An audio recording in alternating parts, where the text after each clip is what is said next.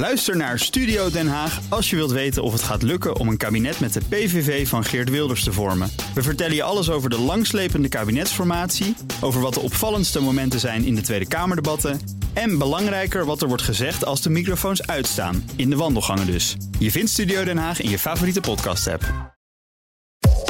Crypto-update. En dat brengt ons bij Herbert Blankenstein, presentator van BNR's CryptoCast, ons programma over Bitcoin en andere digitale coins. En Her- Herbert, goedemorgen. Goedemorgen samen. Ja, wat, wat ik net over Atjen zei, geldt ook een beetje voor de Bitcoin. Want de cryptokoersen die gaan lekker hè, deze week. Wat is de stand van de Bitcoin nu? De stand van de bitcoin nu is eh, een kleine 44.000 dollar. 43.850 ongeveer. En dat is nog steeds eh, omdat er mogelijk een ETF aan zit te komen hè, op Bitcoins.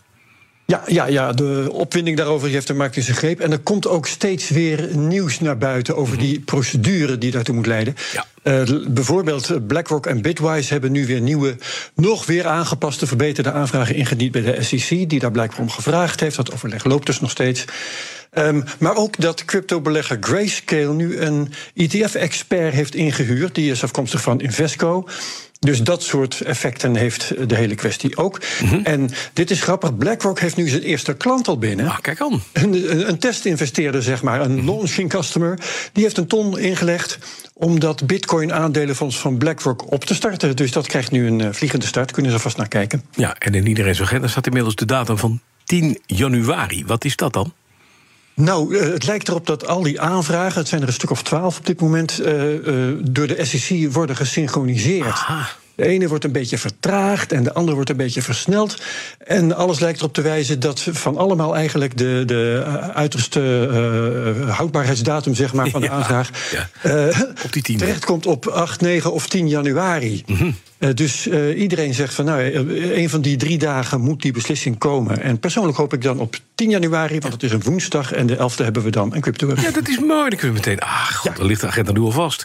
Intussen krijgt de SEC, de Securities and Exchange Commission, de verlangs van de rechter. Hè? Ja, dat is een zaak tegen het cryptobedrijf Deadbox. De SEC die had in juli de rechter maatregelen gevraagd tegen Deadbox. Want het zou bezig zijn eh, in allerlei rekeningen in Amerika op te heffen.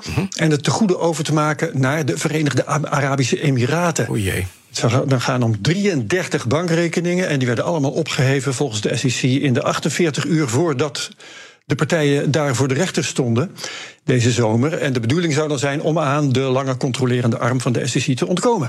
Nou, de rechter ging daarin mee, die nam maatregelen. Deadbox was niet blij, kwam in het geweer. En in september wist Deadbox het grootste deel van dat verhaal te weerleggen. Want er waren niet eh 33, maar 13 rekeningen gesloten. Oh. Dat was niet gebeurd in die 48 uur voor de zitting, maar al in januari. En negen daarvan waren niet gesloten door het bedrijf, maar gewoon door de bank. Oké. En nu is de rechter not amused. En die vraagt aan de SEC om uit te leggen waarom hij eigenlijk geen sancties zou opleggen aan de advocaten van de SEC. Eh, Denk aan boetes. Vanwege het leveren van bedrieglijke informatie. Dus nou, je herinnert je de nederlagen eh, van de SEC tegen Grayscale, eh, tegen Ripple. Dus ze zitten daar even in de hoek waar de klappen Ja, de beklaagde bank, opnieuw de SEC. Ja, ja, zegt dat wel. Ja. Dan, door het afschaffen van mining is Ethereum niet meer censuurbestendig. Leg uit. Ja, gevoelig woord in de cryptowereld. Er is gewaarschuwd hiervoor toen Ethereum overging van mining voor het vastleggen van trans- transacties op staking. Eh, je weet wel, hè, dus de eh, zoomende computers gaan dan de deur uit. En eh, het wordt gedaan door partijen die voldoende ethers inleggen. En die mogen dan blokken in de blockchain registreren. Eh, nou blijkt dat van de partijen die dat nu doen bij Ethereum, 72% zich houdt aan de eh, sancties opgelegd door de VS in verband met terrorisme en dergelijke. Ja. Ehm, en dat betekent dat sommige stekers dus sommige transacties gewoon tegenhouden. Ja. Want de betrokken partijen zijn niet zuiver op de graad. Nou, zolang niet 100% dat doet, is het effect vooral dat het extra eh, tijd en geld kost om dat soort transacties erdoor te Ja, krijgen. nou, maar 28% is dus op het hellend vlak. Dan zou je zeggen, zo erg is het niet dat die sancties worden gerespecteerd. Nou ja, nee, uh, voor terrorisme is natuurlijk niemand. Maar het is dus in de cryptowereld een teerpunt. Ja. Um, en uh, ook wel om uh, legitieme redenen hoor. Kijk, in die lijsten worden wel eens fouten gemaakt. Heel vervelend voor een bedrijf dat daarop staat. Maar ja, de autoriteiten in de VS blijven graag aan.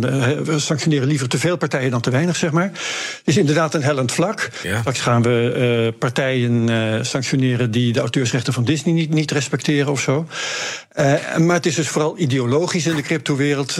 voor sommige fans uh, was het nou juist een pre van zo'n decentraal netwerk dat het niet te censureren valt, dat het Mhm. neutraal is. Ja. En um, het is interessant omdat uh, wel gezegd is dat Bitcoin ook naar dat staking zou moeten, hè, want ja. mining is zo milieuonvriendelijk, is een apart verhaal. Um, dit nieuws dat dan door Coindesk wordt gemeld, dat zal heel veel Bitcoiners wel bevestigen uh, in hun verzet tegen dat staking. Want censuur. Moeten we nog even naar El Salvador? Want uh, dat land belegt groot in bitcoin. Hè, dat zou de, de, tweede valuta van het land zijn. Uh, en het staat allemaal ja. weer in het groen, zegt president Bukele tenminste. Ja, nou ja, ik heb drie weken geleden aangekondigd hè, dat dat zou gebeuren. Ja. Vanaf ongeveer uh, 40.500 dollar bitcoin-koers. En uh, ja, inderdaad, uh, Bukele meldde zich op X natuurlijk weer. Op dat moment was de koers alweer 42.000 dollar. En hij meldde een positief saldo van 3 miljoen. En um, als je naar de site najibtracker.com gaat, daar wordt het van dag tot dag bijgehouden. Dan is het nu alweer opgelopen tot uh, ongeveer 4,5 miljoen. En dat is niet schokkend op een geïnvesteerd kapitaal van zo'n 117 miljoen. Trouwens, voor een land is dat natuurlijk ook uh, eigenlijk uh, wisselgeld. Ja. Maar ja, de, weet je, de zwartekijkers die hebben geschreven dat Bukele het geld van zijn land had vergokt.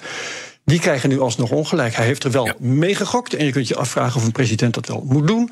Maar het lijkt dus dat hij wel goed heeft gegokt. Vooralsnog wel. Ja. Wat zit Ja. er in de CryptoCast deze week?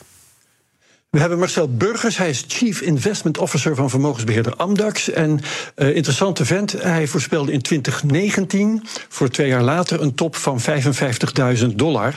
Nou, dat is helemaal niet slecht. Je weet dat ik voorspellingen bijhoud. Zo goed als deze kom je ze bijna niet tegen. Hij zat er dus maar um, 14.000 dollar naast. Uh, nu is hij veel vager in onze podcast. En ik denk dat dat komt omdat hij intussen uh, een uh, hoge ome is bij een vermogensbeheerder. Dus hij is wat voorzichtiger. Ja. Maar hij heeft het wel over zes cijfers, Bas. Oké. Dus dat durft hij dan weer wel Dat te zeggen. is 100.000 en plus, wellicht. Ja, ja, Ja. precies. Uh, Ergens in, onder de miljoen in elk geval. Ja, precies. ja. Verder hebben we het over zaken waar hij dan speciaal mee bezig is. Dat gaat over automatisch handelen. Maar het gaat ook, vind jij interessant, over NFT's. Want Marcel vindt die nog steeds de moeite waard. Het is de laatste der. Mohikanen. Dankjewel. Ja. Herbert Blankenstein. Alle afleveringen van de CryptoCast te horen via de BNR-app... of in de jouw favoriete podcast-app als je die hebt. Maar die heb je niet, want BNR is de beste. Zo. Crypto Update wordt mede mogelijk gemaakt door Bitfavo, de crypto-exchange van Nederland. Bij BNR ben je altijd als eerste op de hoogte van het laatste nieuws. Luister dagelijks live via internet. Bas van Werven. En heel langzaam komt de zon op rond dit tijdstip. Je krijgt inzicht in de dag die komt op BNR, het Binnenhof in Nederland en de rest van de wereld. De Ochtendspits. Voor de beste start van je werkdag. Blijf scherp en mis niets.